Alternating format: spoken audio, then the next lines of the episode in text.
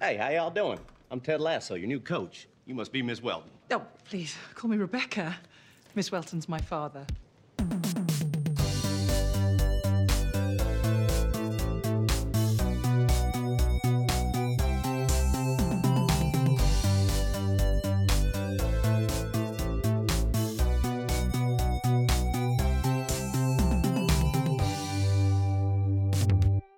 Då är det så här i slutet av november, dags för novemberavsnittet av Fullkultur.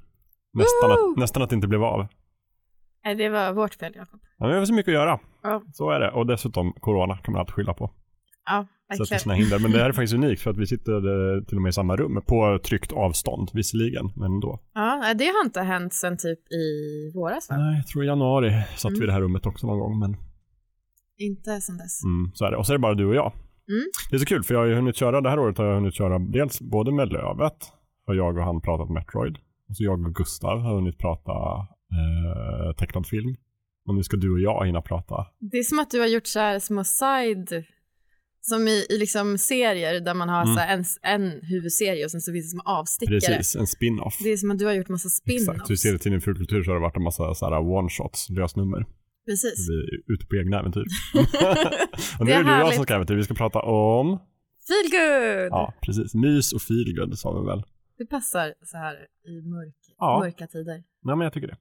Eh, och jag har förstått det som att du kommer prata ganska mycket om The Crown. Får vi Ja, se hur, lite hur det går att koppla Precis. till det kanske. det är lite kopplat också till vad jag kollat på sen sist. Absolut, och jag tänker att de kommer gå ihop lite grann. Ja. För jag har skrivit i mina anteckningar i alla fall. Att det skulle bli något så sömnlöst organiskt från såhär. Eftersom att jag också har kollat mycket på The Crown Ja. och tänkt såhär, sitter jag och kollar på feelgood nu? Och så har jag kommit på, oh, och det skulle jag vilja diskutera lite kanske också. Just det. Och sen kommer jag kanske också ta upp eh, två stycken serier som jag har kollat på som stilstudie. Nämligen Ted Lasso och Och, Emily in Paris. Netflix. den har inte jag sett. Nej.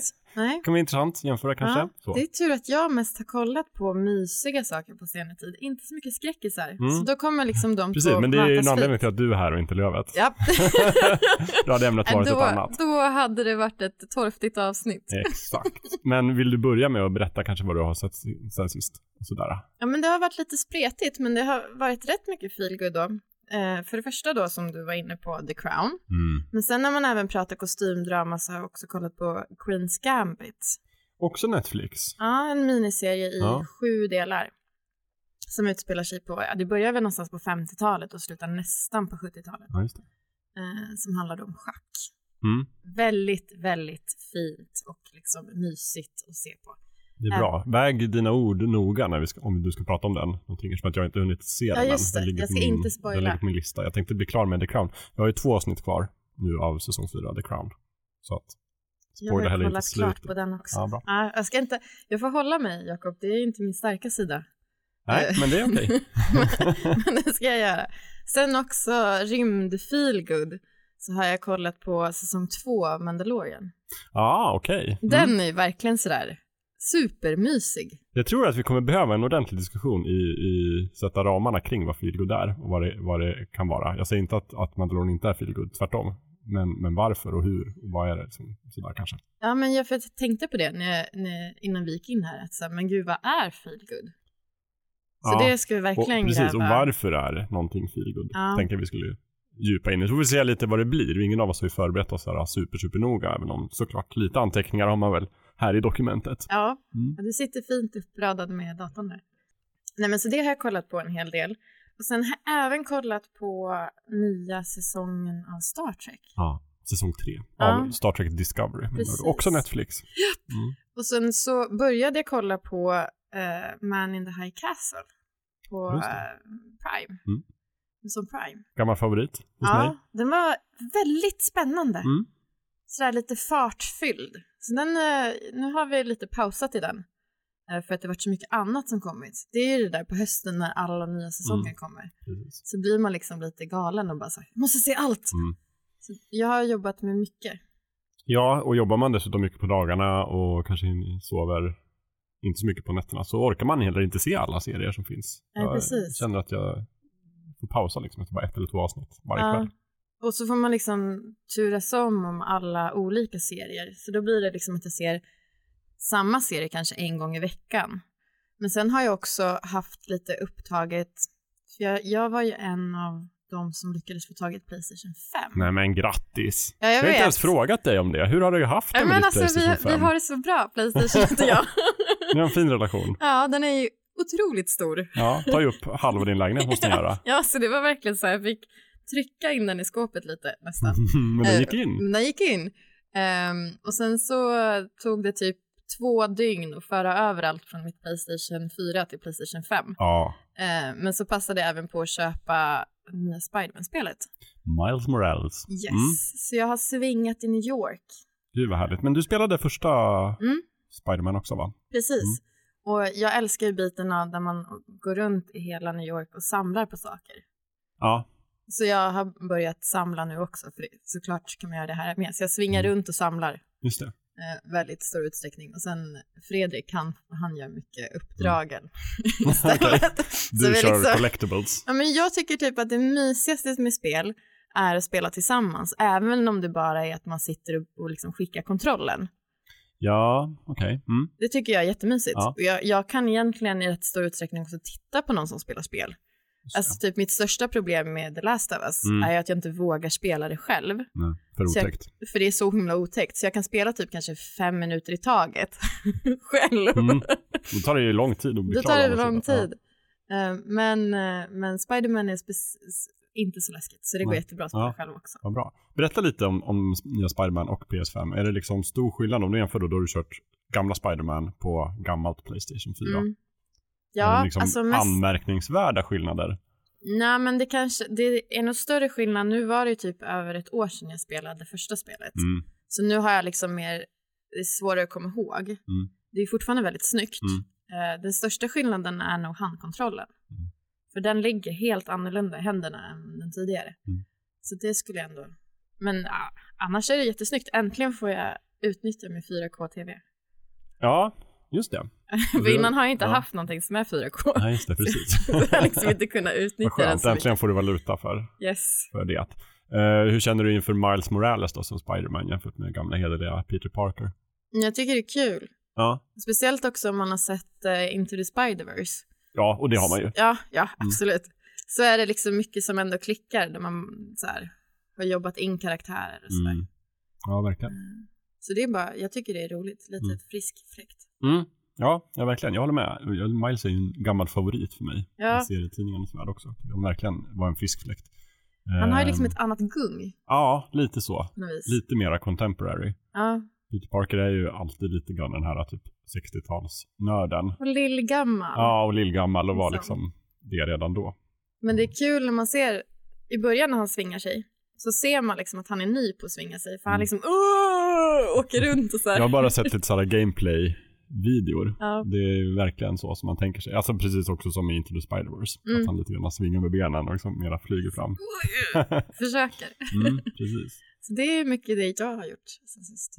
Det är så roligt i Into the Spider-Verse att för där att utan att spoila den filmen om man inte har sett den, men se den, den finns också på Netflix, Mm, så är det ju olika Spider-Man från olika universum som så är med. roligt. Ja, så roligt. Och det extra roligaste är ju att den Peter Parker Spider-Man från alltså det parallella universumet som träffar Miles Morales. Precis, som är lite misslyckad. Ja, vem är det som gör rösten till den? Men det är Nick Ja, från New Girl. precis. Och det låter precis som han. Och om han hade varit Spiderman, då hade han varit den, alltså om Nick hade Mm. varit Spiderman, Mm. då hade han varit precis den karaktären. Verkligen, exakt. Det är så Mm, roligt. det är så kul. Ja, Nej, en festlig film. Ja, Och festligt spel. Vad kul. Men eh, har du några andra PS5-spel på gång på horisonten? Nej. Det är bara Spiderman. alltså bara att det var ju precis, det släpptes ju typ precis innan lön. Mm, så det liksom sved rätt mycket i plånboken. jag förstår det. Och sen så sved det ännu mer att köpa Spiderman-spelet, så jag ska ta det lite lugnt fram till jul. jag. Samla nog alla ryggsäckar. Ja, det tar ändå tid för mig att spela spel. Mm. För jag springer runt och samlar och tittar i alla Ja, vrår och sådär. Ja, jag har ju ögonen på den nya Assassin's Creed också. Mm. Valhalla. Där kan man också samla ganska mycket tror jag. Just det. Men ja, jag är bestämd för att vänta. Mm. Allt sånt där. För moget beslut Jakob. Verkligen, Nej, men jag, ja nej. Det, jag ska, måste uppgradera allt också. Hela, te, ny tv, nytt Playstation innan jag spelar ett enda spel till. Det går inte. jag hade ju också när jag hämtade ut det, Mm. så var så här, oj, jaha, vad kul. Eh, och så såg han liksom lite så här, oj, vad gör jag nu? Ja, här är de ju. Och sen så sa jag någonting om att säga ja, jag bokade, jag var ute i god tid. Han bara, "Hu, hu, hu." ja det var du, för att jag bokade typ förra, för ett år sedan. Ja, just det. Ehm, det kändes som att det var det. Det var rimligt ändå. Ja. Jag hörde att annars så kommer det ta typ till vår innan man kan få. ja, det är lite dubbel utmaning där för att Sony både att det är en populär konsol såklart som alla verkar vilja ha, men också kanske eh, corona. Mm. De inte Fabrikerna, så många svårt att göra. Mm, precis. Ja. Ja, ja, men vad roligt. Grattis då till ditt nya, nya spelkonsol. Ja, vad har du gjort till sist Jakob? Jag har ja, men sakta men säkert plöjt mig igenom lite olika tv-serier egentligen. är det jag har gjort. Och då framförallt kanske The Crown på sistone. Det. Jag började kolla på en superspännande thriller på Apple TV Plus som Mhm. heter Teheran. Ja, den har Mm, jag hört om. Israeliska agenter i Teheran och så är det iranska kontraagenter och så är det mycket sådana svek och, Oj, oj, och mörka oj. gränder och de jagar varandra och klär ut sig och sådär. Och de pratar inte på engelska. Nej, Skönt. eller ja, lite grann gör de det men, Ja. men oftast inte. Det är inte en sån här amerikansk version där de typ Nej, så här, alltså det är en israelisk produktion Mm. tror jag, fast med amerikanska pengar tror jag. Och så, där, och så har Apple köpt upp den. Och, ja, Mm. ungefär som Netflix gör med inte jag, Lillehammer och de här. Just det. och så blir det en Netflix original ja. series och här blir det en Apple TV original series. Men den är faktiskt bra, men den har vi fastnat i, liksom mitt i för att det kostar mycket annat. Ja. Så Är det tungt att titta på också? Inte jätte, men man måste ju koncentrera sig på ett annat sätt när man inte pratar engelska. Man kan inte sitta med mobilen och kolla Nej. Facebook samtidigt och tänka att man hänger med med ena örat, för det gör man inte. Eh, så att, men så kom ju liksom Mandalorian säsong två, då fick vi kolla på den. Det är Just sig det. bara ett avsnitt i veckan. Mm. Och sen The Crown då, har vi försökt plöja oss igenom. Och sen den här The Queen's Gambit står på listan. Men, nej, men det är inte så mycket nytt, men det är egentligen så här, jag försöker bara av hålla allt. huvudet över ytan. Har du kollat serier. någonting på nya Star Trek? Ja, jag brukar kolla på det när jag har, eh, vi turas ju om att ha eh, våran snart ettåring när han sover. Så att när, jag, när det är min natt att ha honom, när, äntligen, när han äntligen har somnat, så brukar jag kolla lite på Star Trek på plattan. Mm, Just det. Det funkar ganska bra. det Men ja. ibland är jag också väldigt trött, så jag hänger inte riktigt med, då får jag se om. Så det var en hel storyline som jag absolut Missade. inte förstod. Och så bara, vänta vad har hänt? Varför har de uppgraderat skeppet? Var är de? Vad gör Som de? jaha just det. Så fick jag läsa på, kolla igen, då var allt mycket tydligare. Ja. Mm, bara nya karaktärer dök upp helt plötsligt från ingenstans. Ja, men det, för den är också eh, för mig ganska mycket feelgood, just den här Ja. nya eh, Discovery-serien. Och det kanske så här, helt sömlöst leder oss in i ämnet. Vad, vad är feelgood och varför ser man det? Ja. Vad skulle du säga? Har, jag har skrivit här, Amanda får börja. Har jag skrivit. Ja, skrev du? Mm. Vad fint.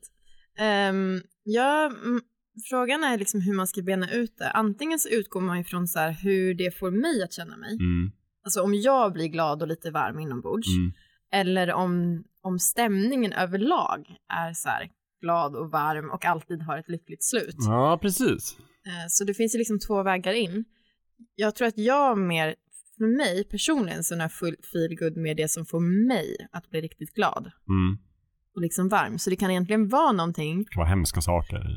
blod och mord blir jag glad av. Ja. Nej, men, men liksom så saker som får mig att bli glad och kanske ibland också lite nostalgisk. Det är därför jag tycker typ Star Trek är feel good. För att det också inte är så farligt. Alltså även när det är saker som är jobbiga som avhandlas Mm. Så görs det på ett sätt som, en, som inte... Alltså jag går inte runt och är ledsen efteråt. Utan det blev mer som att så här, ja, det gjorde storyn lite bättre. Men på det hela taget så var det rätt snällt och vänt liksom. Mm. Eh, Det tror jag liksom lite grann det som är feelgood för mig. Och att man ja, mer skrattar än gråter. Ja. Ändå.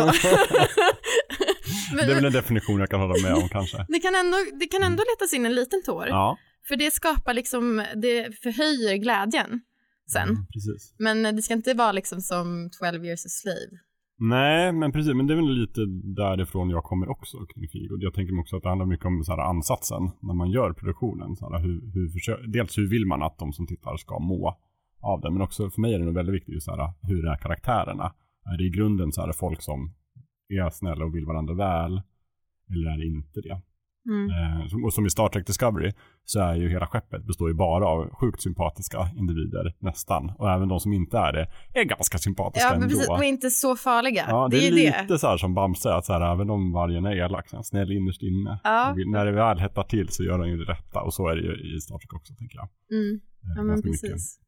Och, och det gäller även för mig, alltså gamla Star Trek-serien, Star Trek The Next Generation, är ju också så här, alltså de är ju så drivna av någon sorts så här, God, god- godhet. godhetspatos hela tiden. Alltså bara, vi ska göra det här för att det är rätt, vi ska ut och utforska galaxen och det här kan vi inte göra, det är ju fel. Och vi har Ja. liksom otroligt höga moraliska principer någonstans som driver dem. Och så är det ju inte i alla serier. För mig är det en, en ingrediens i att det ska vara feelgood Mm. Ja, jag tänker mig också att det finns liksom olika typer av feelgood. Alltså dels finns det ju den här liksom som komedin eller romcom eller Mm. så här, där det också är lite, där det mest är roligt. Mm. Ehm, men sen så finns det ju, för mig är ju också typ kostymdrama i väldigt st- stor utsträckning Mm. så här, mys. Mm. Jag förknippar det med mys och liksom så här, man kan få gotta ner sig i relationer som alltid slutar lyckligt. Så här, de bitarna, då, då känns det också som att det är feelgood på något vis. Men jag vet inte om, om andra skulle tycka att kostymdraman är liksom klassiska feelgood. Jag står lite och väger där. Eh, jag vet inte om vi har pratat om den i Fulkultur eller om vi har pratat om den utanför, men den här Sanditon, Mm. Ja, just det. BBC-serien som bygger på den ofullbordade James Jane Austen-romanen som gick på SVT Play här som jag har sett. Din favorit? Ja, jag tyckte den var väldigt bra. Jag tyckte Ja. den var bra, men också lite för att den var ju på många sätt superklassisk eh, kostymdrama. Mm. sådär. Men hade liksom någon form av, sådär, det var en del grejer som inte gick så bra. Liksom. Den slutade kanske med, tycker jag, en cliffhanger. Jag vet inte om det blir en säsong två eller inte, men om det inte gör det så var det ett ganska deppigt slut. Ja. Eh, och då tänkte jag så här att, att det var så mycket feelgood inbakat under säsongens gång, men sen så slutade det ändå på lite av en downer. Mm. Och då funderade jag på så här, vad har ni gjort med mig? Är det feelgood eller inte? Och då ja, kan man fråga sig liksom så här, hur viktigt är det just med ett lyckligt slut? för där är väl också typ om man till exempel tänker Downton Abbey. Mm. Där har ju vissa säsonger också slutat med lite grann av en downer. Ja, Men sen är det väl, det, då är det väl någonstans vad helheten sen. Alltså att man måste se alla säsongerna. Precis. För jag vet inte om vi ska utföra någon sorts spoilervarning för Downton Abbey, men jag kommer att spoila den nu genom att säga att jag tycker hela sista säsongen var ju bara en lång feelgood avslutning. Ja, Det var ju varenda person skulle ju bli lycklig ja, i slutet. Klassiskt Eh, Sunset så att det blev Beach för slut. mycket. Ja, precis. ja. Eh, sen kom det en långfilm i och för sig som jag såg. Jag kommer inte ihåg vad som hände i den. Den Jag tror jag, att allt sett. gick jättebra. Ja, det var, tror jag fanns, var, den var supersnygg och kungen skulle komma på besök. Oj, Men det var verkligen så här, alla problem var inga problem. Det var verkligen så här, i åtta sekunder såg det lite mörkt ut för att de missförstod den. Och sen vart typ allting bra. hunden hade sprungit bort. Ja men lite så, sen Ja. bara nästa scen kommer den tillbaka direkt. Så det var så tydligt, tycker jag, att regissören var så här, nej ingen får må dåligt när de ser den här filmen. Så bara, det är nästan som att de så här direkt så bara, nu kommer det snart hända någonting otäckt här. Men bara var lugn, det kommer ordna sig i slutet. Så och lite så, så kände jag hela tiden Ja. när jag såg den. Eh, ja. Men det är ju någonstans feelgood. Ja, alltså att man ju, vet precis. att man inte behöver oroa sig i Exakt. magen för att Ja. man vet att någonstans i slutändan Mm. så kommer det liksom sluta med en god ton. Och då i Mm. serier så kanske man får vänta några säsonger. Mm. Ehm, annars skulle det vara helt ointressant. Om allting alltid bara gick bra. Ja, nej men exakt. Men det är väldigt så här, som du sa nyss, lite så här ganska low stakes. Att det, det är inte så här, det är inte superhemska grejer som kommer hända. Och då är det också lite, ja men som i Star Trek och Star Trek The Next Generation till exempel. Det är väldigt ovanligt att någon dör. Till Mm. exempel, om det är någon som dör så är det någon som inte har något namn. Precis, och så är det blod. Nej, precis. Och sen så är det också en så här, det är max. Jag vet inte, Next Generation så är det väl liksom en enda huvudperson som dör. Mm. Ehm, Ja, det är inte som i typ Orange is new black. nej, När man typ bara så gråter en vecka precis. när någonting händer. Nej, och det är ju också en serie som man kan skratta jättemycket åt och må bra åt bitvis. Men den, jag skulle verkligen inte kalla den som feelgood och jag tycker nog att den blev lite för jobbig för mig Ja, ja den är mörk. i det slutet. ja, ja, precis, verkligen. Men sen tänker jag mig att det också finns, förutom de där liksom kostymdrama-grejerna, så alltså britterna är ju bra på feelgood. Det är de, men de är också väldigt bra på, på mörk komedi. Så Ja. de har båda ytterligheterna på något sätt. Ja men verkligen. Och jag tänker mig också att feelgood går rätt mycket hand i hand med högtider. Mm. Alltså typ som jul. Julen är en feelgood högtid ja. Ja, Ja. det finns otroligt många, alltså en stor del av feelgood är liksom julfilmer känns det som. Mm. Mm. För att det är just så här, man vill inte gråta och vara ledsen eller sitta på spänn på julen, man vill Mm. bara kunna njuta. Nej, precis. Mm. Mm. Det tänker jag att de är väldigt bra på också. Ja, men det är nog också därför för mig så är det nog om jag ska, för att jag verkligen ska kunna uppskatta en feelgood serie och det gör jag verkligen, så vill jag nog ändå ha någon form av svärta i det. Och så här, det behöver inte vara ett lyckligt slut och det får gärna finnas lite så här eh, melankoli i det. Som kanske jag skulle vilja lyfta upp då, Ted Lasso som exempel. Åh, Och Alltså- om man inte har sett den så kanske vi kan börja lite kort med att bara så här pitcha serien.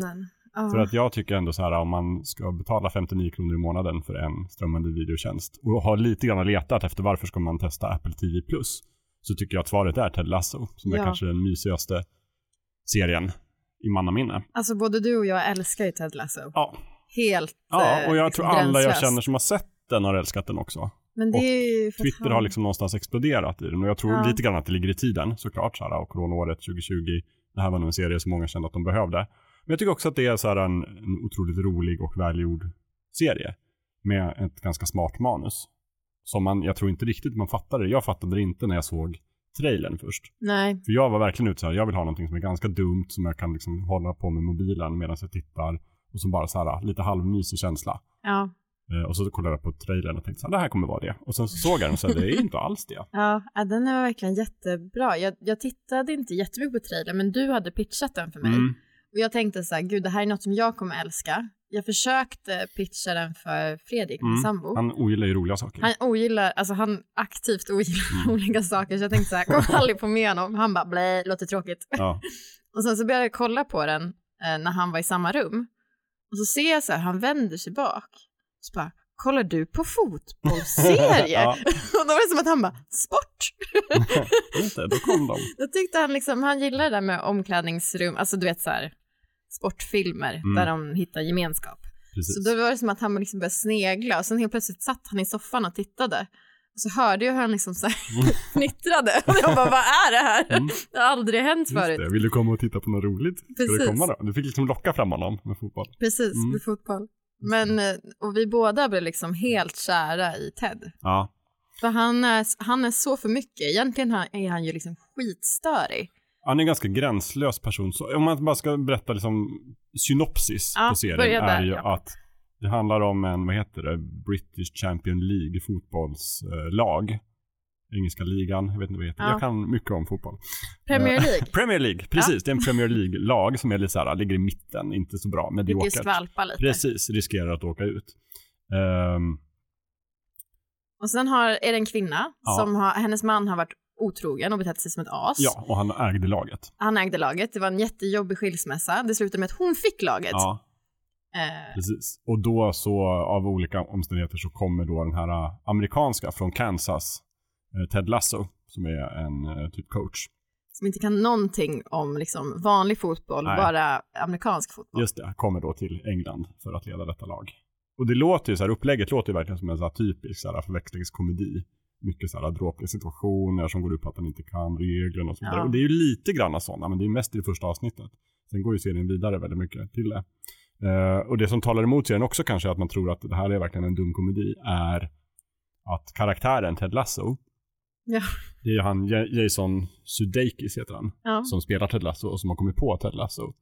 Eh, karaktären skapades från början när typ den amerikanska tv-kanalen NBC gjorde någon sån här promos för att de täckte, eh, vad heter ligan nu igen? Premier League. Premier League. De täck, den amerikanska teckningen av Premier League. I Aha. promos för dem så hade de den här karaktären, Ted Lasso. Ted Lasso, så då var det liksom en reklamfilmskaraktär. Det visste jag inte. Nej, fast det är inte helt sant heller för att Jason Sudeikis, han hade liksom redan karaktären. Sen Mm. använde han den i reklamfilmen. Och sen Mm. fick han genomslag så då liksom byggde de en hel tv-serie runt den. Okej. Och även med då är den här Bill Lawrence som också varit med och skrivit serien som ligger bakom bland annat Scrubs och Spin City och mycket sådana här bra klassiska sitcoms. Mm. Han är ju så, han är så, det blir en väldigt krock, för han är så här Mm. superamerikansk. Mm. Så man bara så tänker att så här, jag vet inte, jag tycker det är obehagligt Nej, men så, du vet, så, så helylle att man bara, men du är ju inte på riktigt. Nej. Det finns ingen, ingen genuni- genuinitet i dig. Men så blir man liksom gång på gång på gång motbevisad. Mm. Att han är också så här jättefin, han gör mycket som på ytan kanske ser lite så här lustigt ut och man tänker så här, men gud, Mm. du har inget djup. Och så bara visar det sig att det finns så otroligt mycket djup i honom och i hans ledarskap. Ja, men det var bra sagt det där. För just mycket, om man träffar amerikaner som man kanske inte känner så är de ju kända för att vara så här väldigt brett trevliga och väldigt så här, nästan överväldigande trevliga. Fast kanske inte så mycket på djupet. Mm. Och det är lite nog den känslan man får av Ted Lasso. Jag kan tänka mig att man skulle få det om man träffade honom. Men som sagt, ju mer man följer serien så ser man ju att för, och man kan också tänka att han är väldigt naiv liksom i det, Ja. för att han är så överdrivet optimistisk. Men det tycker jag, det är han ju verkligen inte. Nej, Och det är en verkligen av de inte. finaste vändningarna i serien, att, att den är så mänsklig. Mm, ja, verkligen. Och att han är, så, han är så varm och typ också du vet när man träffar en människa som är väldigt mycket Mm. så kan man tänka så här, men så här är inte du när du är hemma själv. Det här är liksom någon Mm. typ av fasad. Eh, men man märker så här, mer och mer ju mer man tittar på Ted Lasso att han bara så här, han är sån. Mm. Det är bara han. Eh, och det är inte liksom någon fasad. Han går Nej. inte hem och gråter en massa. Precis. Och det här var ju lite, det har ju blivit en, ja men jag skulle säga en ganska stor succé på Apple TV+. De har inte, de har inte promotat den jättemycket. Jag tror inte själva att de riktigt förstod att det här skulle bli liksom det stora, den stora hitten. Men eh, nu tror jag, de har ju blivit förnyad både för säsong två och säsong tre. Oh! Eh, och Bra. jag tror definitivt att när säsong två kommer så kommer de slå på stora trumman. Ja. Liksom verkligen marknadsföra den jättemycket. Så att, och man kan faktiskt se den gratis också om man vill, för man kan ju testa två veckor eller någonting. ja, just det. Det hinner man definitivt Ja, på. för det är bara tio avsnitt. Eller åtta Mm. till och med. Åtta, nio, tio, jag vet Ja, inte. En sån kort, sånt. klassisk strömmande videotjänstsäsong Verkligen. är det. Så att gör det, det är väl vårt tips. Och sen så nu kommer vi kanske prata lite mer om den och kanske avslöja en del. Men den är jätterolig och varm och upplyftande och smart. Och skriven med så otroligt mycket hjärta. Ja, Den är verkligen så här...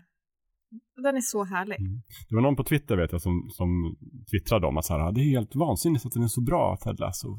Så här, och då hade han Bill Lawrence svarat. Bara, ja, det är verkligen otroligt. Otroligt. att, Tänk, att vi kunde skriva en bra serie. tänka sig. Ja, wow, vi försökte göra det.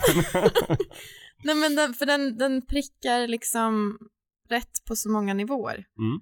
Och man får se så mycket, jag tycker också att alla karaktärer utvecklas på ett väldigt spännande sätt. Mm. Och man får se alla sidor, till exempel den här frun som då har blivit sårad och Ja. eh, den här hemska skilsmässan. Precis, Rebecca Welton heter Precis. Spelas av Hannah Waddingham. Waddingham. Jätte, jättebra. Mm. Och hennes karaktärsutveckling är ju verkligen enorm. De liksom verkligen Mm. jobbar med de här små nyanserna som man behöver inte komma ihåg allt i huvudet. Mm. Men man kommer ihåg dem liksom, man ser ändå skiftningen. Mm. Ja, verkligen. Och det är också så mycket såna här äh, alltså, klassiska romcom eller liksom förväxlingskomedi-tropes där man tänker så här, åh nu kommer det här att hända, oj nu kommer de där att göra det. Och sen så vänder de på det liksom och så händer inte det. Mm. Och det är ganska mycket kring just Rebecca. Att så här, bara, för hon är ju från början kanske lite så här, den antagonisten på ett sätt. Ja men precis, och väldigt så här kall och hård och svarar inte alls bra på hans Mm. Ja, precis. myssätt. Men under ytan. Skärmar. Nej men och sen just hur de så här, hur de löser det tycker jag är så himla snyggt. Att så här, bara, det blir aldrig de här stora konfrontationerna som till exempel när hennes stora så här, scheme avslöjas. Hur de löser det. är bara så här, Mm. ja. Det kändes väldigt bra. ja. Väldigt ja, men verkligen. Ja. Ja, det är verkligen en super, super serie. Ja.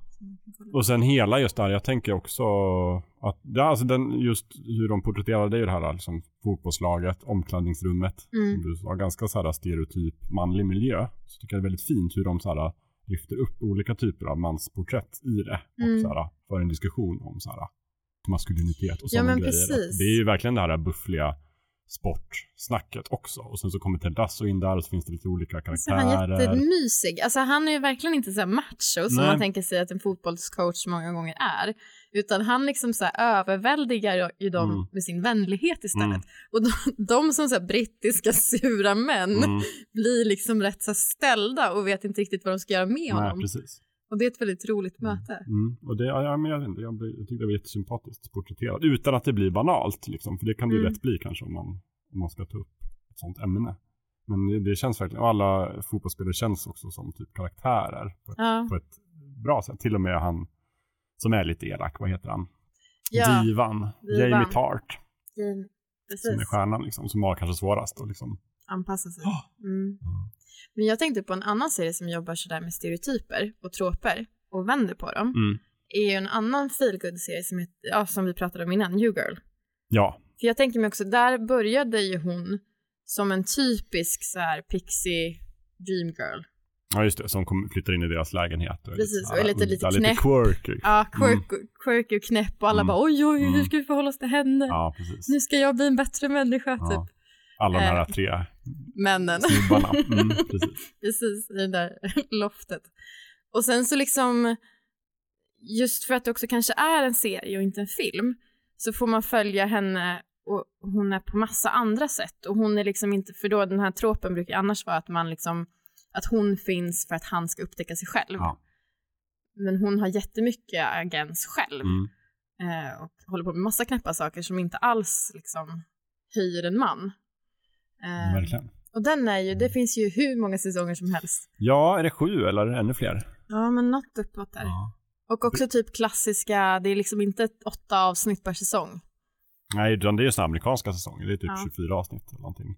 Ja, ja, verkligen. Och den går ju lite upp och lite ner, tycker Ja, jag. Sådär. det gör Här och där går den lite på tomgång. Men överlag så tycker jag den är jätterolig och jättemysig. Och, och det som är coolt är just det här karaktärsutvecklingen Mm. hos alla de tre.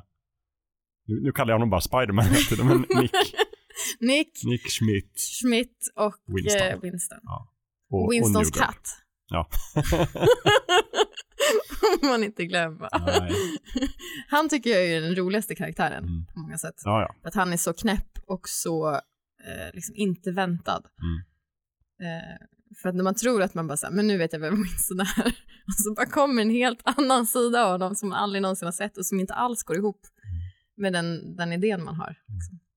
Ja, och även hon bästa kompisen, Cici, som Mm. är också från början tänker man så här, den klassiska snygga Modelltjejen. modelltjejen som, som folk är kära i, har också så otroligt mycket djup. Ja, det är ja. kul att de som skriver serien verkar så här, men vi är intresserade av att utforska de här karaktärerna Mm. och se vad de är för några och sen ta, med, ta oss med på deras resa. Ja, Och så är det ju också i, i Ted Lasso tycker jag. ja, verkligen. Även om, om New Girl är lite mer så här plojig och kanske inte banal, men den är liksom larvigare. Ja, ja men precis. Så, inte, lika, inte lika fin finess. Nej men det är lite olika humor så såklart. Mm. Eh, Det är det. Ted Lasso är inte så här super, super rolig hela tiden. Jag tycker den är mer, den är ju mera så här brittiskt mysrolig. Man blir mer liksom varm i magen Mm. än att det bubblar. Nej, exakt. I New Girl bubblar det lite mer. Nej, då liksom Mm. skrattar man Mm. mer. Den där är mer liksom som att man bara blir lite glad och varm. Ja, precis. Exakt. Och det är väl en känsla kanske som jag tror många svarade ganska bra på det här året. Så jag tror det är en del av förklaringen till att den har gått så bra. Mm. Nej, jag vet inte, jag skulle kunna prata länge om den för det är mycket sådana moments som, som jag tycker är sådär tv-årets 2020 bästa moments. Många av dem är lite Lasso. Ted Lasso. Men jag har glömt nästan. Men om man pratar om så brittisk feelgood ja, så tänker jag att man också, också måste prata om eh, filmatiseringen av Nick Hornby-böcker. Det måste man nog göra ja. De är väl ändå Mm. någonstans, för mig är de någonstans så här urbilden av Mm. typ feelgood tillsammans med typ några, Love actually. Lyft några exempel. Men eh, vad heter, nu, High Fidelity? Mm, filmen. Ja, filmen. Ja. Har du Också- sett tv-serien? Nej, inte tv-serien. Bara filmen. Mm. Den är ju ganska ny, jag tror den är från i år. Aha. Eh, Hulu gjorde en tv-serie som heter High Fidelity. Ah, okej. Som också bygger på boken. Den är bitvis ganska lik filmen. Men är en serie, så de har mycket mera tid att liksom fördjupa sig i karaktärerna. Och sen har de gjort en twist så att huvudpersonen, vad han nu heter. Ja, eh, det har jag också glömt bort han, för det var så länge sedan jag såg den och läste den. Ja, precis. Eh, nej. Ja. Göra en? Irriterande. Nej, jag googlar i realtid. High Fidelity. Han som älskar musik. Exakt. Och har, vem är det som spelar honom? Det är ju eh, Jack Cusack. Just det. John Cusack heter John han faktiskt. Cusack. Precis. Eh, och han spelar, och Rob heter han ju. Just det, Rob, Rob. Gordon, precis. Men i tv-serien så är det ju en tjej som är Rob Gordon. Aha, heter vad spännande. Rob Gordon. I ran into my ex last night. So how was it? You know, seeing him. You know that scene at the end of Braveheart where they rip all his entrails out and he's like, freedom! But it's like a positive thing, you know, because he like inspired his people or whatever? Yeah. Like that, but without the silver lining. Och det är ju hon... ehm, jag är så bra på det här med namn. Men Jag är har ju jättedålig på IMDb namn. uppe här så nu ska, vi, nu ska jag ta det direkt. Zoe Kravitz Ja, okej. spelar eh, Rob. Ja. Kul Och twist. spelar jättebra. Ja, och första avsnittet så tyckte jag att det var lite sökt. Mm. Lite såhär, oj, nu har de bara gjort så här en... Är det Robert- twist. Roberta? En förkortning av Ja, eller. Robin. Robin. Robin. Mm. Rob- Robin. Precis. Men sen, alltså, jävlar vad den tjänade på det tyckte jag. Jag tycker det Ah. var superintressant och jag tycker det var en jättebra filmatisering. Eh, de har också twistat de här eh, personerna som jobbar i deras butik. Varav Mm. en är Jack Black. Han är inte Ja, Jack Black just det. längre. Han är inte Jack. Black Men faktiskt jättebra eh, reversal på det. Ah, Och en jättebra serie av den. Den måste jag se. Ja. Det är ju, uh, Zoe Kravitz är Mm. ju dotter till hon som var tjejen i filmen som han ligger med, som är den här uh, popstjärnan. Ah. Som jag inte minns vad hon heter heller. Han träffar ju en, en, Ja, en- artist en artist. som han sen ligger med. Just som strunt samma. Den var bra i alla fall. Men det var en kul koppling. Ja, det var det. Just det. Men sen så kommer jag ihåg en serie som mina föräldrar såg när jag var liten. Som jag tittade en del på. Eh, var den här Vita tänder, Mhm. tror jag den hette. Som var också en brittisk. Eh, som, föl- som följde liksom indier i, i Storbritannien. Mm. Som också var sådär superduper mm, mysig. Och som jag tror gick, tror den gick ett rätt långt tag. Men det var också en sån här barndomsminne, det är därför jag inte kan någonting Nej. om den. Men att det var liksom, att britterna är så fruktansvärt bra på feelgood. Mm. Jo men ja, verkligen. De har mycket hjärta. Mm. För även, nu bara kastar jag grejer i höger och vänster men liksom Doctor Who, den, är ju väldigt mycket feelgood ingredienser i den tycker jag.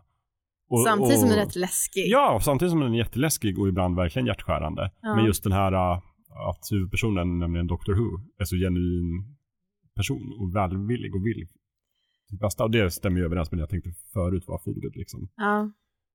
Det är väldigt mycket hjärta i det. ja, men precis, både hjärta och lite naivitet. Mm. Ehm, och att de är, oftast så brukar ju karaktärerna vara lite lustiga. De liksom har någon liten knorr. Ja, precis. Nej men en bra feelgood tycker jag är så här, det kan bli så himla jämn, nästan så här, ah, vad heter det? Jag har inga ord idag. att, att det, det inte händer så mycket. Nej, men liksom lite så här slätstruket om Ja. det är alldeles för mycket av bara så här feelgood. Det, ska, det kan inte bara handla om personer som vill varandra väl. Utan det måste Nej. vara lite svarta och det måste vara också lite så här wacky humor.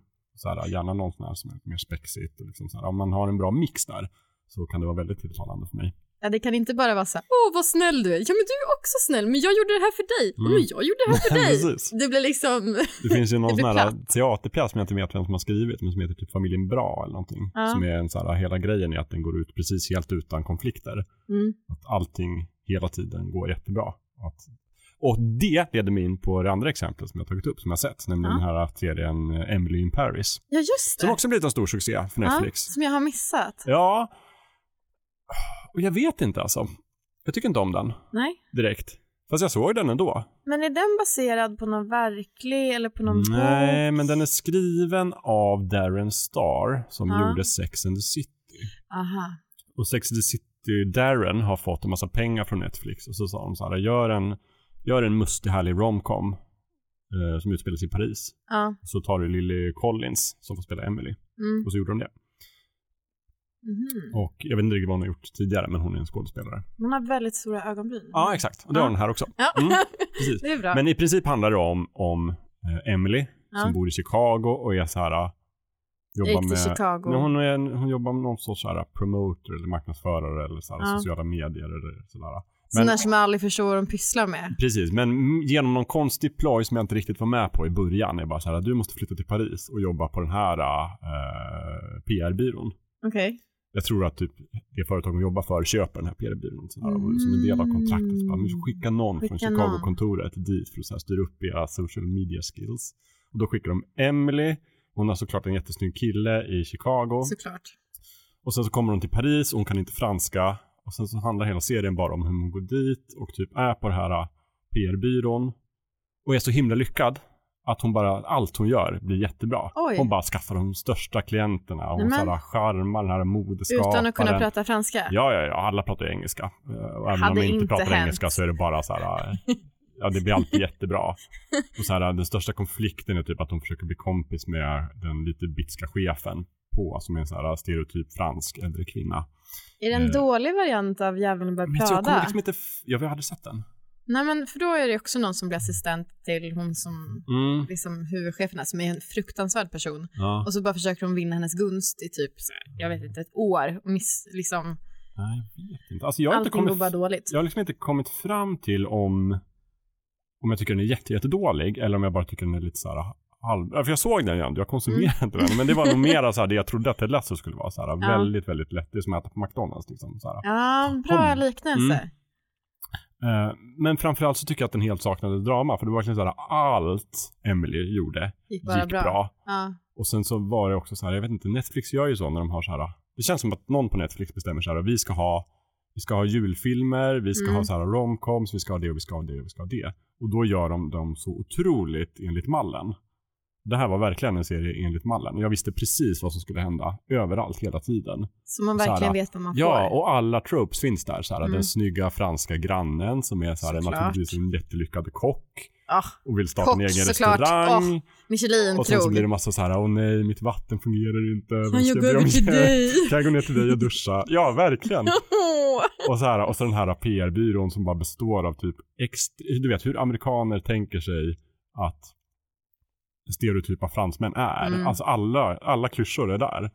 Men Och det är ju så- lite tråkigt. Det är lite tråkigt, men också lite så här roligt för att det är nästan så att man börjar hatkolla på den. Ja. För att den är så dålig. Och sen är det också så här som att hon använder så här sociala medier som att det vore för 20 år sedan. För Mm. att hon lägger upp så här en bild på sig själv i basker framför Eiffeltornet. Och så får hon typ 8 miljoner likes. Nej, men det händer så att inte hon nu. bygger någon sorts fenomen liksom kring sig själv. Att hon Ja. är Emily in Paris. Och sen genom det så får hon kontakt med så här kändisar som bara kommer och kan promota. Men det här låter för mycket Jakob, jag blir typ helt ifrån. Och sen så är de här liksom kollegorna på kontoret och man bryter jättebred franska. Och den har ju blivit hatad i Frankrike. Ja, det förstår den jag. porträtterar Frankrike så dåligt. Vet du vad jag tycker att det låter lite som? Nej. Jag tycker det låter som, du vet, man äter för mycket tårta Ja. som är för söt och Mm. för gräddig. Precis. Åh, ja, så är det. När man ska på kalas på en söndag och så har man inte hunnit äta middag så äter man bara tårta. Då, mår, då mår man sådär Mm. Ja, men lite så. Ja, efteråt. det blir lite för mycket. Och den här skulle nog mått bra av lite så här, lite edge. Lite sälta, syrlighet. Precis. Och den, Ja. jag vet inte, jag såg aldrig Sex and the City riktigt. Men den här Nej. kändes verkligen ganska platt. Men också lite så här, jag, jag åt upp den ändå bara för att. Och det kommer en säsong två by the way. Ja, Eh, men du borde nästan testkolla den bara. Ja. För det skulle vara intressant att höra vad du... för det var ju en, en film på Netflix som kom Mm. ungefär samtidigt som Emily in Paris. Eh, som heter Enola Holmes. Mm, okej. Eh, som handlar om eh, eh, Mycrafts och Sherlocks eh, syster. Ja, just det. yngre syster, Enola, som bor med deras eh, mamma, Mm. som he, vad heter hon, He- Helena Bonham Carter. Ja, precis. med i The Crown. Precis. Och även Harry Potter. Ja, just det. Hon är den knasiga mamman Ja. som lär henne allt man behöver i livet, vilket inte är att vara en dam. Nej. Typ. Nej. Eh, och hon är skitsmart. Men sen så en dag så försvinner mamman. Eh, och de här två bröderna kommer tillbaka. De typ har massa idéer om vad Enola ska göra. Mm. Hon håller inte riktigt med och ger sig ut på egna äventyr. Eh, också väldigt mycket feelgood, men också det där äventyrliga Mm. som också kan finnas i feelgood Ja, tycker jag. ja. Så det är mer, det är mer liksom driv framåt, inte sådär allting är mysigt och går hem Nej. liksom, och hon lyckas Just så himla bra. Hon har lite motgångar och det är lite tufft, Ja, men det slutar bra. Men det är liksom ja den vad där bra. Jag såg, ju, jag såg ju trailern för den. Mm. Men jag trodde att det var en serie, så jag blev lite besviken Jag när det bara trodde var en också film. det var en serie. och sen så när jag tittade ett tag, jag bara gud vilket långt avsnitt. Ja, jag började inte ens kolla för jag såg direkt att det var en film och då Ja. var jag lite besviken och då tänkte jag så här, men jag eller det var så hög tröskel. Ja. Jag kan inte se en hel film nu. Så den ligger kvar på listan. Det är också så roligt, han som spelar Sherlock är ju han Hen- Henry Cavill, heter han va? Just det, Stålmannen. Stålmannen och, Och eh, Witcher. Witcher-snubben. Ja. Precis. Och han är, så, han är så musklig. Mm. Så han passar liksom inte riktigt i så här gamla kläder. Aha. Så han ser, han ser liksom, de har väl, de har väl skräddarsytt Mm. hans kläder, men liksom ingen människa såg ut så på den här tiden. Så han ser liksom ut, du vet som att man har pumpat, att man har så här, satt på någon kostym Mm. och sen har man pumpat upp det som, eh, som en, liksom, ett bildäck eller någonting. Mm. Så ser han ut. Han har så stora armar i den här Åh, kostymen. Ja. Ehm, Men det är fint att han gör lite roller som även ska få honom att vara liksom lite smart. Jag tror han kanske var bra av att bränna sig så också. Men den var väldigt fin, den kan jag rekommendera. Ja, och det är okej, ju hon ja. som spelar Eleven i Stranger Things Ja, just med det. Nola. Mm, precis. Hon har blivit jättestor. Ja. Det, är så konstigt med barn, alltså så med barnskådespelare. Det är så snabbt att de bara Ja, säger, du men du blir ju Du vuxen. menar att hon har blivit stor fysiskt? Liksom. Ja, men när hon har blivit Inte vuxen. stor som en Nej, hon har också blivit stor stjärna så. Mm. Men, men att det, man bara ser ju det så himla snabbt. Jag såg ju någon Netflix-film här tidigare i år som en av deras julfilmer. Mm. A Christmas Bride. Mhm. Som- Är det någon prinsessfilm? Ja, det är en prinsessfilm, en Oh. prinsess romcom eller någonting. Och den var också precis så här, ni har gjort den här så otroligt enligt mallen Ja. att jag nästan blev provocerad. Men jag tittade på den typ när jag var på sjukhuset när min son var där. Så det Ja. var verkligen så här, jag har inget annat att se, jag tittar på den här. Och det var per- perfekt i det läget. Ja. Men också så otroligt så här, eh, ung kvinnlig journalist ska dit och täcka kungaparet i det här påhittade europeiska landet, träffa prinsen, låtsas vara någon annan, blir kär, etc. etc. Allting Det finns går- två uppföljare också, som jag inte har sett än. så där. Mhm. Men man vill ju ändå att det ska finnas, alltså man vill inte att det bara ska gå bra. Nej, för då blir jag inte engagerad. Nej, men det är just det där att man vill ha både lite toppar och dalar, men det ska vara större toppar än dalar. Mm. någonstans. Ja, det finns ju även en jättebra feelgood-film som heter typ Crazy Rich Asians. Har du Mm, sett den? Nej. Den är, det är liksom, oj nu pratar Siri här. Ja, ja, hej Siri. Ehm, det är liksom, den, bygg, den gör lite samma sak, att den jobbar med lite troper. Men sen så är det typ så här, hela casten är typ asiatisk. Mhm. Vilket för en, en stor Hollywoodfilm är rätt ovanligt. Ja. Ehm, och då är det hon, huvudpersonen, nu kommer jag inte ihåg vad hon heter, men hon blir kär i en kille som visar sig tillhöra typ den mest, den rikaste familjen i Singapore tror jag. Oj. Eh, så när de ska gifta sig, eh, så, eller han blir bjuden till ett bröllop tror jag det är, då ska hon åka och träffa hans familj och så bara fattar hon så här, vänta, är, är ni typ den rikaste familjen i hela Singapore? Han bara, eh, jag kanske glömde berätta det. Jag ville att du skulle älska mig för den jag var. Såklart. Eh, men sen bryter en massa sådana här stereotyper. Ja, Eh, och hon, eh, musikern och rapparen Aquafina är typ med. Okej. Eh, och hon är väldigt så edgy. Mm. Har jätterolig så här, typ rökbräkig röst.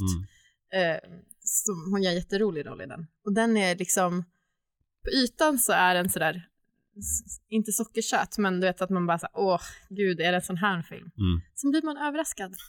Och den är jätterolig. Eh, och jag för mig att den liksom, det var väldigt anmärkningsvärt att den kom, att det var så stor andel asiatiska i rollbesättningen, för oftast så brukar eh, asiater, speciellt i amerikanska filmer, spela en väldigt stereotyp Mm. roll Ja, och bara typ inte vara så många heller. Mm. Så det var väldigt stort när den kom. Mm. Men Den kan jag verkligen rekommendera. Mm, ja, vad kul. Den ska jag ta tag i då. Jag tror den finns på Netflix. Netflix. Härligt. Netflix har allt. Ja, jättebra. Mm. Åh, gud. Alltså, det finns en scen, det finns en scen i Emily Paris som både jag och Tove när vi såg den är bara så här. Alltså det var så mycket cringe. Ja. Det var det värsta jag sett. Det var verkligen så här, vi mådde så dåligt. Man måste stänga av den. Oj, Och den går liksom inte att se bara scenen utan det var bara hela uppbyggnaden. Liksom Ja. Åtta avsnitt hade lett fram till den scenen. Så att det måste man se då. man måste, jag tror man måste se Emily Paris. Det är också så här, hon blir sparkad från sitt jobb i typ åtta sekunder. Jag tänkte säga det var ändå slutet dåligt. för att men... hennes chef bara så här, men jag gillar inte dig för att du är dryg amerikan. Och, så här, och till slut, fastän du har lyckats med allting. Så, Så gillar jag ändå inte dig. Nej, nu har du gjort, nu har du gått för långt. Men sen nästa dag bara, så här, ja okej. Här har du jobbet Ah. tillbaka. Ja, verkligen, så platt. Men också på något sätt härligt, jag vet inte. Ja. Det är kul ibland att se någonting dåligt. Eh, Ja, det är ju det också. för Och, på, ja, precis. och hatgilla något Mm.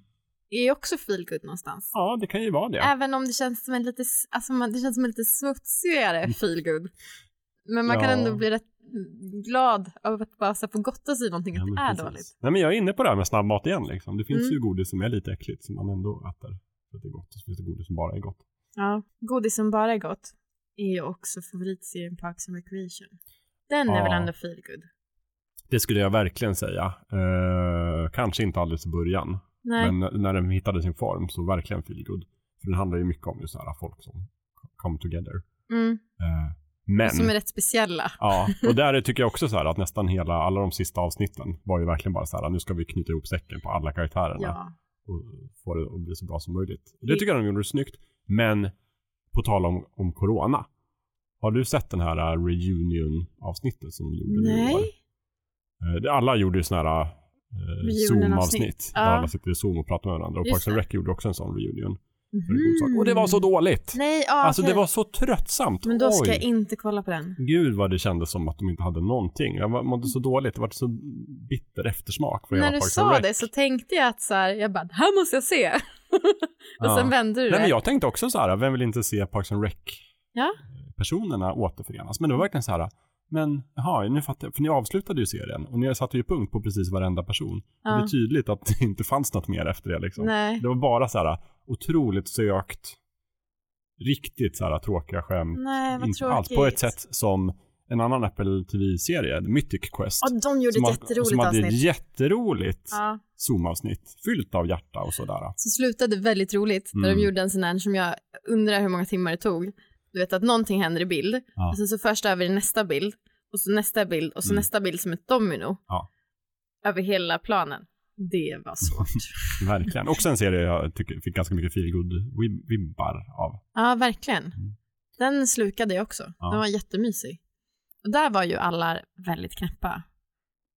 Alltså där var det som att man bara, men gud nu får ni ge er. Mm. Hur knäppt kan det vara? Det här är Ja. inte på riktigt. Nej, lite mer skruvad. Ja, lite mer, lite mer som New Girl kanske. Mm. Eh, du, vill du säga någonting om The Crown och Mandalorian då? Ska vi ta dem liksom under luppen? Ja, men ska vi börja med The Crown mån då? eller vilken mån det inte är feelgood. Ja, ja, The Crown, absolut. The Crown. Mm, kostymer. Kostymer. Men det är också, det är också att det är så här, jag tycker på något sätt att till feelgood hör att det är lite lågmält. Mm. Eller att det inte har, alltså du vet att inte så här, farten är 180. Mm. Utan att man liksom, man kan liksom mysa lite i soffan. Mm. Och inte bara att, oh, vad händer, vad händer, vad händer? Mm. Eh, Och det är ju verkligen The Crown. Det är ju egentligen inte så mycket som händer. Nej, precis. För den har ju mycket då, den, dels är den ju väldigt baserad, based on a true story, även om Ja. de har tagit sig vissa dramatiska friheter. Men det är väldigt mycket så här, beroende på vilket år det är, så kan man ju lista ut så här, ja det här kommer handla om det. För det finns ju Om nästan man kan alltid, historien. Ja, men det är en sån serie också som uppmuntrar till att gå in på Wikipedia efter Gud, ja. och läsa i förväg. Och det har jag gjort, nu vet jag. Jag har googlat så mycket efter det här Ja. under tiden. Nej men just att man, för det är ofta så att de har en backdrop som är så här världshändelsen och sen så växlar de det mot så här, vad händer i kungafamiljen Mm. mellan personerna. Ja, jag vet inte, det är ganska fascinerande. Men det är också det som du säger, det är ganska lågmält på ett sätt. Ja, det är liksom inga, det är inga stora gester. Allt, men det kanske hör liksom kungafamiljen till också, att de är så himla liksom trycker ner allt. Mm. Och Ja, precis. ingenting blir liksom, Ja. Och, och det är det som gör att jag har svårt att se det som feelgood. Eftersom Mm. att det är så mycket mental misär Ja. under det. Det är det som, som för mig är så här, fast det här går inte att må bra till. nej. Fast på ett sätt som de, de första säsongerna handlade det mycket mer om en ung drottning som ska bevisa sig. Mm. Där hade jag mycket bättre feelgood-vibbar. Ja, verkligen. Jag tycker också så här, det var mer feelgood för att det var, ah, det var, det var inte lika mycket som var tragiskt på även om det fanns Mm. tragiska bitar. Mm. Men sen så någonstans också så kulminerade det ju i att eh, deras förhållande eh, inte var så bra. Mm. Då var det inte heller så mycket feelgood. Men sen så någonstans så hittade de varandra och hur de skulle förhålla sig till varandra och så skapade de den här familjen där de fick alla ha samma jargong Mm. som egentligen är rätt vidrig, alltså mot andra människor. Det är inte så att man tänker så här, gud vilken trevlig grupp människor, Nej, de ska jag gärna vilja umgås med. Nej. Men de själva har väldigt roligt. Internt liksom, så har de hittat en väldigt så här intern jargong där de verkar trivas med varandra i sin avsky för varandra. Ja. Så jättekonstig Mm. kombo liksom. Ja. Alltså att de har så mycket resurser. De behöver aldrig vara oroliga för liksom, vart de ska få pengar ifrån. Nej. Att de så här, oftast vänder sig inåt mot varandra. Så här, ja, men lite som man får samma från i The Succession. Jag Fast tänkte precis på hårdare. Succession. Och att egentligen så är Succession, Succession väldigt mycket som The Crown. Ja, Fast i liksom nutida Mm. rikedom och, och liksom ja, vältra sig. Mm. Ehm, Ja. Men den känner jag absolut inte är någon i närheten av feelgood. Nej, det finns en mycket högre trivselnivå i Ja. The Crown, absolut. Men jag tänker också att The Crown har ju också den här aspekten av att det handlar så mycket om så här ämbetets plikt Ja. mot familjens plikt. Och den, den saknas kanske inte i, i Succession. ja, där är det kanske lite mer bara mm, vargbeteende. Ja, precis. Ja. Men, men, ja, ja, men jag älskar ju The Crown. Men sen är det också söta hundar Ja. i The Crown. Mm. Men också just här, jag tror många som är, ja, det bor inte lite grann en så här anglofil i oss alla. Att vi så här, Ja. tycker om att titta på så här, Storbritannien, och liksom de fina naturvyerna och Ja, det svepningarna och väldigt kostymerna och, och liksom allt som är brittiskt som vi Mm. älskar och vi tycker att det är mysigt. Ja, det, Och är det ju. ju. Det är det Mm. ju. Jag är ju egentligen otroligt ointresserad av kungafamiljer. Och, och speciellt också liksom... Du har väl sett någon dokumentär nu också? Ja men jag vet, jag blir ju helt, det här är en del av liksom googlandet och wikipediandet. Mm. För jag har ju heller ingen relation, alltså jag har liksom ingen relation till kungafamiljen. Inte heller historiskt, för jag var väldigt liten när till exempel prins- prinsess Diana dog. Mm. Så jag vet bara att hon dog Mm. och att folk blev ledsna. Ja, det är ungefär vad jag kommer ihåg. Mm. Så för mig så blir det också så här, det blir också i så himla stor utsträckning en historielektion. Ehm, för Mm. att när jag ser vissa saker och vissa intriger som händer så tänker jag så här, men gud kan det där verkligen vara sant? Och då googlar jag och då bara, ja men det var så här i verkligheten. Ja. Eh, och då blir det även som att, eh, det är som att man får typ bakom kulisserna att se dokumentären. Mm. För då vill jag veta mer om till exempel hur var Dianas liv Ja, egentligen. precis. Ja, visst. Och då så bara är det som att det finns massa behind the scenes, eller extra material Mm. till serien, Mm. men som egentligen då är en dokumentär. Exakt. så det är som att jag liksom kan se tre timmar om bakom kulisserna på Sagan om ringen, Mm. fast det är verkligt. Det. Men det är samma känsla man Ja. Mm. Att man kan fortsätta grotta ner sig. Ja, visst. Jag håller med. Men jag har läst som sagt jättemycket artiklar på Wikipedia efter varje avsnitt. Bara så här, var det så här och hur var det Ja. där? Liksom allt från liksom, ah, hur de var släkt med varandra till personer, vad som Churchills hände. eh, Till tavla. Churchills Den tavla, googlade jag på. Falklandskrig, alltihopa har jag varit inne Ja. på. Mm. Man lär sig mycket. Även de här, eh, de som, han som adopke, adopke, ab, Abdikerade. Ja. Ja. trötta huvudet. ja. Eh, bara, var det verkligen så? Fick googlas. Det var ja, så. precis. Gud vad vidrigt. Nej, men också, är- men en serie tänker jag också som vinner så mycket på vad som påkostad. Ja, verkligen. Och det är så bra skådespelare. Mm. Så Ja, himla verkligen. bra skådespelare. Jag fattar inte hur de kunde hitta någon som var så lik Diana. Det är bra jobbat. Jag vet inte alls vem hon är eller vad hon tidigare, men Nej. eh, sjukt bra skådis. Ja, och, Och- även han som spelar Charles, Ja. Josh tror jag han Mm. heter. Mm. Och så började jag nästan tvungen att titta så här, för jag, jag blir så störd på att han går runt med huvudet. Ah, som en gam. Som en liten gam. Kan inte titta upp så han Nej. ser ut som att han skäms för typ att finnas till. Ja. Men det verkar ändå vara lite grann av en påhittad sak. Det är nog en karaktärsskildring mer att de så här Ja. har lagt in det. För jag vet att eh, någon sa att någon hade sagt något som kände honom att det var överdrivet och lite elakt. Ja, för jag, då när jag tittade på den här Mm. dokumentären, han har rakt Mm. huvud i varenda bild. Mm. Ja men precis, men han ska gå omkring och se som att han verkligen vantrivs i att vara Ja. lång och, och vara i kostym. Och istället så var han värsta superhunken Ja. som låg runt med alla. Oj, oj, oj. Och som alla tjejer ville ha. Mm. Och som gjorde bara så här äventyrssaker. Typiskt prinsen. Typiskt prins. och det kände jag, det har jag inte riktigt fått känslan av i, i serien. Vad tycker du om Gillian Anderson som Margaret Thatcher? Men alltså jag visste ju att hon skulle spela. Ja. Men när jag såg henne först, jag bara, men det där är inte hon. Mm. Så försökte jag liksom, du vet, så titt, som att man tittar bakom makeupen Ja. och försökte se henne och så bara, jag fattar inte. Hon måste ha suttit så många timmar i smink. Mm. Ja, verkligen. Hon är bortsminkad. Och eftersom att jag inte vet hur Margaret Thatcher var heller, Nej. så fick jag lite så här, men gud beter hon sig verkligen sådär? För hon hade så himla konstigt minspel. Mm. Och också det här konstiga hur hon höll huvudet, hur hon gick. Mm. De kändes som att hon var typ 90 år och skulle dö vilken Mm. sekund som helst. Mm. Men jag har förstått det som att hon har spelat över lite. Ja, men alltså jag vet inte. Jag har inte heller någon sån här jättetydlig bild av Margaret Thatcher. Fast jag har sett lite sådana på tv som liten. Men i första avsnittet om jag så tyckte jag att det var jättebra. Men att det kändes som att Gillian Anderson mera härmade. Att det var så tydligt att hon härmade Margaret Thatcher och lite överdrev det. Mm. Men sen ju längre serien har gått nu så, så har Gillian Anderson helt försvunnit. Mm. Nu ser jag bara Thatcher. Ja. Och så här, jag har förstått att hon, hon förmodligen pratade så. Men just att jag tror hon har det här liksom, karaktäristiska, väldigt släpiga Mm. sättet att prata. Och det hade hon tydligen från, i verkligheten också. Men hon hade, jag blev också när jag lyssnade på en intervju med Gillian, Mm. så blir jag också så här, men gud, har du så raspig röst av dig själv? Ja, Just det. För det kommer jag verkligen inte ihåg från typ Nej. Arkivex. Nej, men det var några år sedan. Ja, det var några år sedan. Ja, tiden har gått. Hon har fått släpet med sig. Precis. Hon hade liksom lite hes och raspig röst. hon har. Vuxit in i den, den rollen. Mm. Mm. Men hon är inte, för jag läste någon i någon så här Facebookgrupp, det var någon som tyckte att eh, det var dåligt att de tar liksom en ung kvinna och gör henne äldre istället för att bara ha en äldre kvinna. Mm. Eh, men det skiljer ju egentligen bara några få år Ja, mellan henne och Mm. hur, hur gammal Thatcher var ja, då. ja hon, hon ser ser ju ut som en 90-årig dam, men hon var ju inte en 90-årig dam 1982. Nej.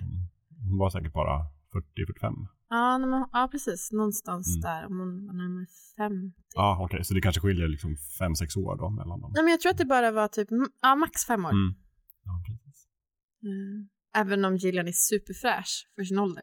Ja, ja, absolut. Så det går inte Men det riktigt kan ju att lite jämföra. smink lösa såklart. Ja, verkligen. Något får man ju bestämma sig på vad man ska gå på. Ska man Ja, gå på precis. år eller ska man gå på att se ut eller sådär. ja, är sjukt imponerande av hela den produktionen. Och det blir ju två säsonger till om The Crown. Mm.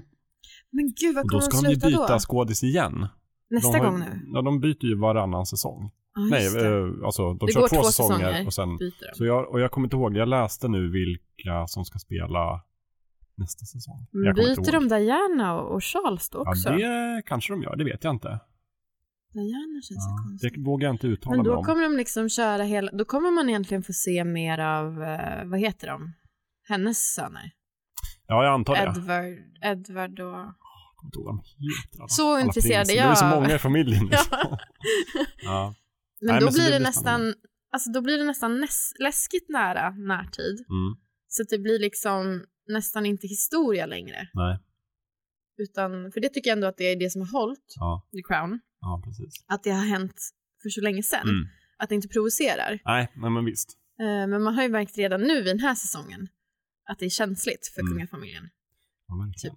Som Charles som Ja. gick ut och var sur över hur de hade porträtterat honom Ja, men, Crown. ja verkligen. Ja. Intressant. Men det är också så himla snyggt hur de har liksom flyttat fram tiden hela tiden. Nu man ser så här plötsligt dyker upp alltså så mycket detaljer Mm. från första säsongen. Att nu är det nya. Där plötsligt är så här en ganska moderna videokameror och tv-apparater med så här, det kommer smygande. Ja, verkligen. Ja. Det är snyggt gjort. Verkligen snyggt. Bra serie. Eh, också en bra serie är ju The Mandalorian. Ja! På Snygg Disney Plus. som du började med det här avsnittet med att kalla för feelgood. ja, det tycker jag också. ändå. Och var kommer du ifrån då? Ja, men det är väl också det där. Det är ju ingenting som egentligen går superilla. Eh, och de har en, en gullig grön liten Mhm, sak som är supersöt och som bara... Ja. Eh, och att det liksom... Jag tycker också hela formatet som känns lite 90-tal, det här med att man har en huvudstory, Mm. men den är inte så framträdande och den är inte så drivande, Nej. utan istället är det som en hel serie med fillers, bara. Mm. Och så får man lite så här, så väldigt långsamt så drivs man framåt i Mm. handlingen. Ja. Men den kan också bara stanna där och mysa hur länge som helst. Mm. Och det tycker jag känns så här feel aktigt på något vis, hela formatet. Mm. Ja, det håller jag med om. Men jag tänker också att mycket av det att man tänker att det är feelgood är också att, att det handlar om nostalgi. Att det, för många är det liksom, åh, det här känns som den gamla typen av Star Wars-filmer. mm, Eh, och också att tempot är liksom ganska lågt. Så här, det är skönt mm. att man hinner liksom vara med Mando i varje avsnitt. Och allting är också, det finns också den där humorn. Mm. Det är liksom lite lustigt allt som Mm. händer. Precis. Eh, och det går lite bra och karaktärerna är liksom, kanske inte klämkäcka, men det, Nej, alla precis, har men- så här mysigt. Ja. Även de som är dåliga. Nej, men det är ju lite larvigt också i Ja, det är lite man larvigt. tycker om, det, är så här, det är ganska jönsigt och det är Ja. ganska så här, en del grejer ser rätt billigt ut. Men att det lite ska göra det för att precis så är ju Star Wars. Ja men precis. Speciellt någon, jag tror att den, den roligaste scenen i, i hela Mandalorian tror jag är sista avsnittet på säsong ett. När två stormtroopers står och pra- sitter och Ja, pratar med ja, ja, ja, varandra. den. Typ de ska, och de ska typ så här, de ska vakta, jag tror de ska vakta Baby Yoda. Ja, precis. Eh, och så sitter de och pratar så här och så blir det bara så, det blir så himla absurt. och så sitter de och har liksom världens larvigaste, mest liksom, eh, vad ska man säga, så här down to earth diskussion som är helt absurd Mm. i sina stormtrooper-dräkter som ska vara så här superonda. Och hela den situationen blir så märklig.